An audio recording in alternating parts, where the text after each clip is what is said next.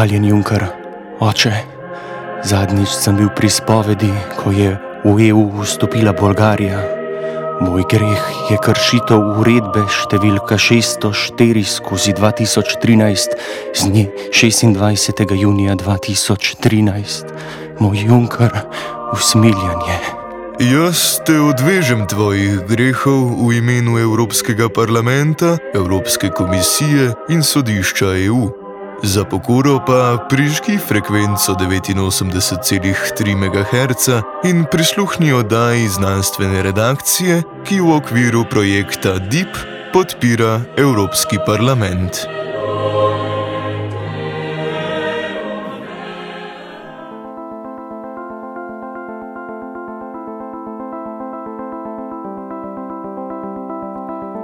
Na strani narave.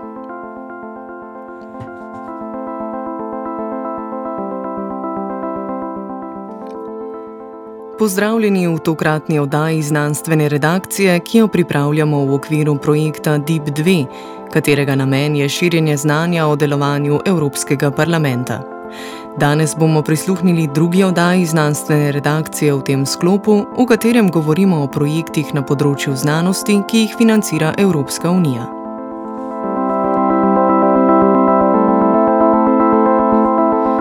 Tokrat se bomo posvetili programu LIFE. Ta predstavlja najpomembnejši program financiranja strani Evropske unije, katerega namen je ohranjanje narave, reševanje okoljskih problemov ter blaženje in prilagajanje na podnebne spremembe.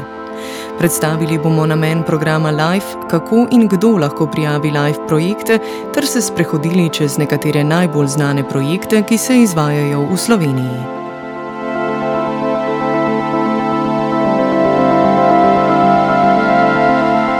V lanskem letu je potekala 25. obletnica delovanja programa LIFE. Ta je bil vzpostavljen leta 1992, njegov namen pa je bil financiranje v tistem času sprejete habitatne direktive. Poleg omenjene je bila v istem letu sprejeta tudi direktiva o pticah. Obe direktivi namreč predstavljata ključna instrumenta na področju varstva narave in ker v začetku 90-ih let še ni obstajal sklad za naravo, je bil s tem namenom ustanovljen program LIFE. Od takrat pa do danes je bilo do vključno leta 2016 sofinanciranih okoli 4000 projektov. Slovenija jih je v tem času pridobila 49.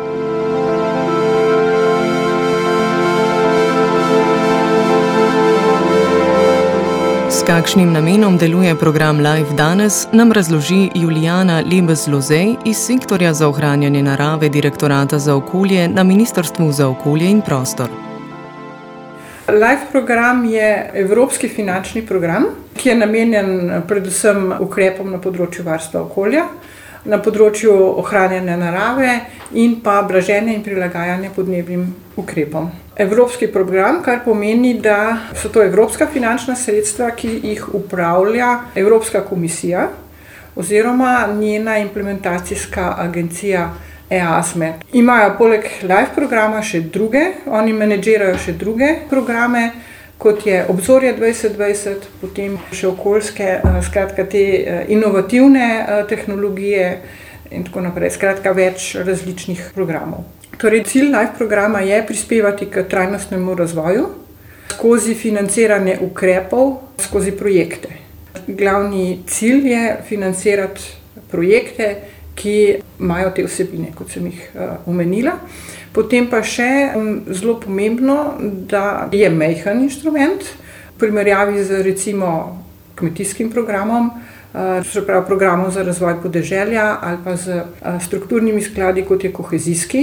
Določeno je to z uredbo, mislim, da je okrog 3 milijarde pa pol za vseh sedem let in za vseh 28 držav, kar je z par sto milijoni, kot jih imajo ostali eh, skladi, res zelo mehko.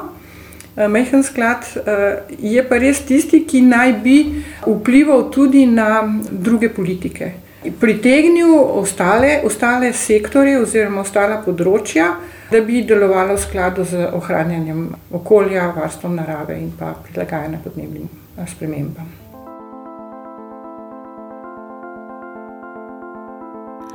Julijana Libes-Lozej nadalje pove, kdo lahko prijavi live projekte. Katera koli pravna organizacija oziroma pravna inštitucija. Lahko so to javne inštitucije, lahko so zasebne inštitucije, lahko so profitne, neprofitne. Skratka, kdorkoli, ki je pripravljen kaj dobrega narediti za okolje oziroma za prilagajanje na podnebne ukrepe. To, pravi, to so lahko ministrstva, lahko so inštituti, lahko so občine, lahko so od javnih, skratka, katera koli, od zasebnih so pa to lahko firme, če tako rečem, DD, DOO, nevladne organizacije, tudi velike firme, mehne, male in srednja podjetja na okoljskem področju, to še v bistvu najbolj.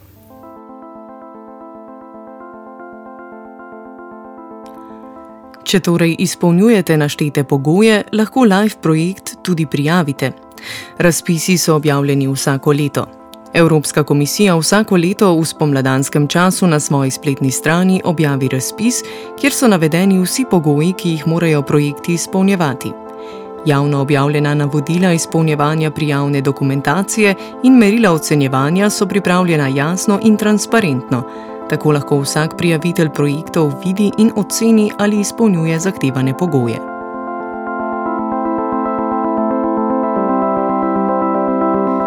Ker gre pri programu LIFE za velike projekte, igrajo ključno vlogo pri njihovem uresničevanju države članice. Več o tem v nadaljevanju razloži Julijana Libes-Lozej. Kot sem že omenila, je program centraliziran, to je prav razpis objavi Evropska komisija, Oni tudi zbirajo prijave, ocenjujejo in podpišajo pogodbe, če so projekti izbrani, z njimi podpišajo sofinancerske pogodbe. Vloga držav članic je pa tukaj v bistvu zelo mehna, predvsem širjenje informacij. Se pravi, tist, pride do tistih potencijalnih prijaviteljev, tiste, ki to zanima, da jih obvestimo, da jim povemo, kakšna so pravila in jim tudi pomagamo pri pripravi eh, teh prijav. Tukaj je pravzaprav naša glavna vloga, se pravi širjenje informacij in pa pomoč pri pripravi. Zato, ker eh, kljub vsemu moram povedati, da so te projekti precej zahtevni, kompleksni, ker morajo biti veliki in morajo reševati okoljske probleme, ki imajo evropsko dimenzijo. Ni dovolj, da je to nek lokalen problem, ampak mora biti projekt pomemben na nivoju Evropske unije. Zato so tudi zelo zaželjeni mednarodni projekti, niso sicer obvezni, je pa, je pa zaželjeno. In ravno pri vsem tem. Eh, je naloga države članice, da nekako ozavesti prijavitelje o res tej dimenziji projekta. No? Da to niso neki mehki, ampak veliki, in pa tudi, kako natančno je treba prijavnico izpolniti. Predvsej stvari, tudi finance. In če pač to ni dobro izpolnjeno, je škoda vsega časa in truda, ker gre v nič. Približno 20% prijavljenih projektov dobi za res potem finančno podporo. Projekti pa niso stoodstotno financirani strani LIFE programa. Delež financiranja strani programa namreč predstavlja največ 60 odstotkov. Ostalih 40 odstotkov morajo prijavitelji zagotoviti iz lastnih virov. Pri sofinanciranju tako sodeluje tudi Ministrstvo za okolje in prostor. Finančna pomoč ministrstva tako pride prav predvsem nevladnim organizacijam, ki se ukvarjajo z varstvom narave.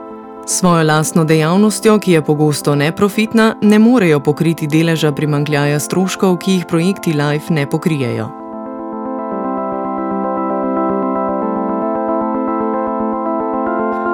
Ministrstvo za okolje in prostor pri projektih financira od 10 do 30 odstotkov, kar pa je določeno glede na prioritete države. Tako so teme, ki so za ministrstvo najbolj pereče, financirane s 30 odstotki. Na oddelku za varstvo narave sta bili to predvsem področji velikih zveri in invazivnih tujerodnih vrst.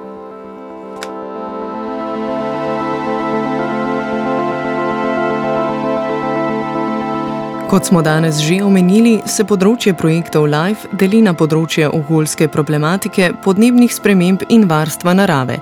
Na slednjem je bilo izvedenih že 29 projektov, katerih skupna vrednost obsega približno 35 milijonov evrov. Kateri projekti z področja varstva narave so trenutno pomembni, pove Julijana Libe z Lozej.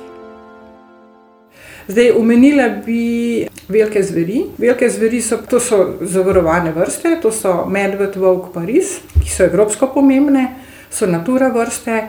No, in ravno velike zveri so naša pomembna tema pri varstvu narave, poleg tega, da je treba z kmetijstvom tukaj veliko sodelovati zaradi potencijalnih ali pa dejanskih škod, ki jih povzročajo nekatere. No. Tako da smo reševali te probleme skozi live in je bilo pač to pri nas precej pomembno.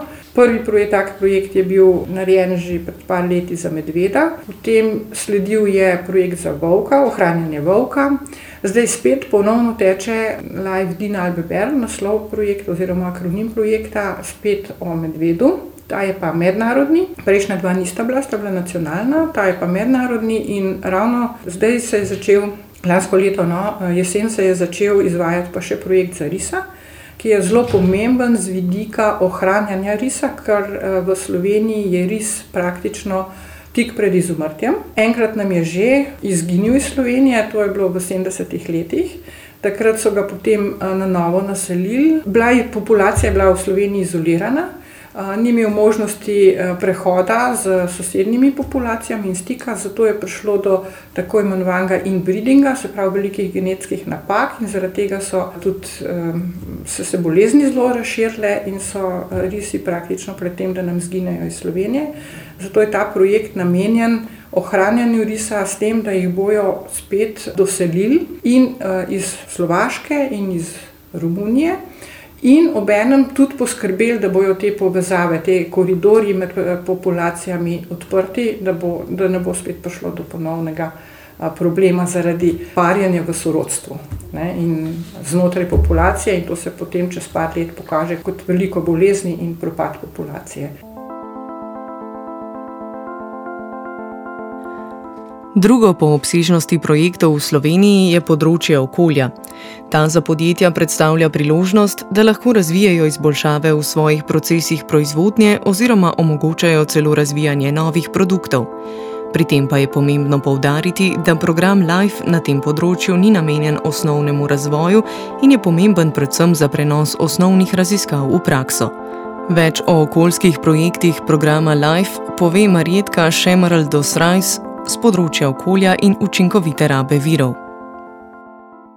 V Sloveniji imamo sedaj že nekaj takih podjetij, ki so osvojile Life, če lahko tako rečem. So pač ugotovili, da je Life eno primerno orodje za njih, ki jim omogoča dodatni finančni vir pri razvoju njihovih idej. Eno takih podjetij je Arhel, ki ima sedaj že svoj tretji Life projekt, trenutno izvaja, pri enem so še partnerji, dva so pa že uspešno zaključili. In njihov zadnji projekt je naprimer Life for Acid Bay, kjer dejansko bodo vzeli odpadno kislo sirotko, ki pač v proizvodnji, v mlečni proizvodnji, mlekarski proizvodnji ostaja kot odpadek, in jo bodo še dodatno izkoristili kot njihov uh, vir, surovina, pri katerem bodo pridobivali dodatne uh, proteine. In ta novi proces pridobivanja teh proteinov so pa oni razvili in bodo zdaj preizkušali. In bodo s tem seveda zmanjšali onesnaženost, mislim, ta okoljski odtis te odpadne sirotke in dobili bodo dodatni produkt, torej dodatni vir, kako bi rekla, zaslužka za podjetje. Seveda s tem se bo spet ustvarila tudi nova delovna mesta, zelena delovna mesta, kar je zelo v interesu Evrope v zadnjem času in da je tudi boljša gospodarska rast. In tak tip projekta jih pač v Life program imenujemo projekt z rešitvijo za trg, Close to Market. In to je zdaj en tip projektov, ki jih Evropa zelo podpira in zelo radi vidijo take rešitve, ker se s tem, pač, kot sem rekla, gospodarsko Evropa bolje razvija, nova delovna mesta se razvijajo, nove rešitve. In pa seveda tukaj gre tudi za tako imenovano krožno gospodarstvo, kjer gre za to, da odpadek postane vir in se bolj zaokroži tole, da je čim manj odpadkov na koncu ostane v takih procesih. Med bolj zanimivimi so tudi projekti podjetja Zeus. Delovanje njihovih projektov podrobneje opiše Marjetka Šemerl-Dosrajs. Oni imajo tudi zdaj že drugi projekt, oni so pa zelo osredotočeni na pravilno ločevanje elektronske in električne odpadne opreme, ker so pač v preteklosti bili to problem, ljudje so to dajali v mešane odpadke. In pa, kot vemo, že v današnjih časih se lahko tako oprema razstavi in se lahko določene komponente ponovno uporabljajo. In zato je zelo pomembno, da se pravilno ločuje. Za prejšnji njihov projekt, slovenska OEO kompanija, so dobili celo nagrado najboljši live projekt za leto 2014 področje informiranja in ozaveščanja. To vsako leto komisija izbere projekte, ki so se zaključili v preteklem letu v celotne Evrope in potem uh, najboljše nagradi. In ta projekt je bil med najboljšimi. No, sedaj imajo pa projekt Live gospodarjenje z odpadki ker so pa dejansko spostavili novo mrežo za zbiranje odpadkov. Ne vem, če ste že opazili, tudi po Ljubljani se vidi nove ulične zbiralnike, tako veliki, zeleno-sivi.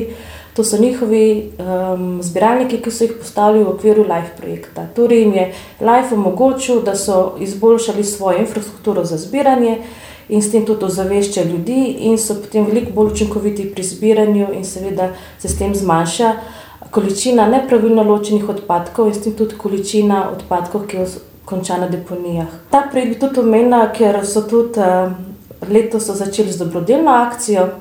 In sicer so se povezali z društvom Rdeči noski in bojo sredstva, ki jih bojo zbrali v zelenih kotih, eh, v trgovinah, bojo namenjeni temu društvu.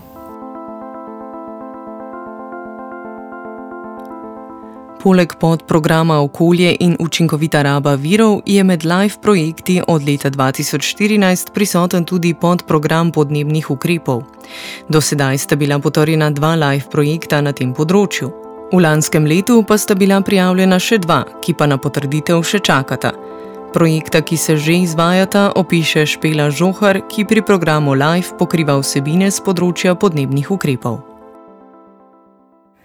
Jaz bi izpostavila projekt Life Viva CC Adapt, katerega namen je oblikovati ukrepe, s katerimi bi se izognili negativnim učinkom podnebnih sprememb. In sicer ta projekt bi se izognil podnebnim spremembam na področju Vipavske doline. Podnebne spremembe so stvar, ki niso nekje daleč stran, ampak so posledice vidne tudi pri nas. In tako so v Vipavski dolini ugotovili, da so te sušne dobe če dalje daljše, da so če dalje bolj intenzivne in da so vse redke prerezane s padavinami, ki se pogosto pojavljajo v obliki poplav. Tako da so rekli, da bodo prijavili tale projekt. Ki se bo osredotočil na ukrepe za zmanjšanje rabe vode, za namakanje in pa zmanjšanje škode zaradi močnih vetrov. V lanskem letu so najprej izvedli analizo stanja, na podlagi katerega so potem proti koncu leta pripravili strategijo prilagajanja podnebnim spremembam. Zdaj v tem obdobju imajo plan uh, razviti in pa testirati sistem odločanja o namakanju z razvito aplikacijo, ki bo v bistvu kmetom povedala, koliko in kdaj ne zalivajo. Na ta način bodo zmerali, koliko vode lahko neka določena prst zadrži v sebi, koliko je že vode v prsti v danem stanju, kakšna je vremenska napoved za naprej in pa koliko vode v bistvu sploh rabi neka rastlina, glede na to, na kateri rasni dobi je v danem trenutku. To je ena izmed stvari, zelo pomembna stvar so pa tudi protiveterne pregrade, ki jih bodo zasadili na območju tisočih kvadratnih metrov. Vsega skupaj, seveda, na ta način bodo probali omejiti vse te uh, posledice močnih vetrov, ki jih imajo na uh, rastline, in pa v enem bodo pa tudi naredili uh, merjanje in analizo vseh teh vetrov. Potem imamo pa iz eh, podnebnega upravljanja in informacije, imamo pa še en projekt, ki je že v teku od lanskega leta in sicer Life podnebna pot 2050. Namen tega projekta je pomoč v podporo odločanju odgovornim v Sloveniji spostaviti cilje za zmanjšanje emisij toplogrednih plinov, ki so bili zastavljeni v Pariškem sporazumu. Slednji projekt je prijavil inštitut Jožef Štefan. Poleg omenjenih pa Ministrstvo za okolje in prostor izvaja samostojni projekt z namenom opismenjevanja o programu LIFE, v okviru katerega pripravljajo različne aktivnosti in delavnice za pomoč pri pripravi razvoja projektne ideje. Letos maja bo potekala tudi konferenca o programu LIFE, kjer se bodo predstavili obstoječi projekti. Dogodek je namenjen vsem, ki se zanimajo za izvajanje projektov.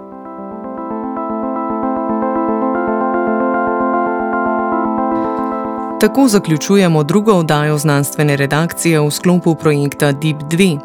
Kot smo danes spoznali, predstavlja program LIFE enega ključnih finančnih inštrumentov za izvajanje ukrepov na področju ohranjanja narave. Kljub finančnim uložkom, ki jih Evropska unija nameni temu področju, pa se moramo zavedati, da je narava kljub temu še vedno neprecenljiva.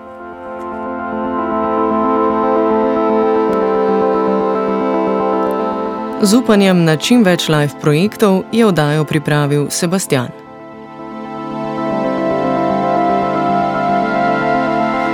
Tehniciral je Linč, brala sem AMG.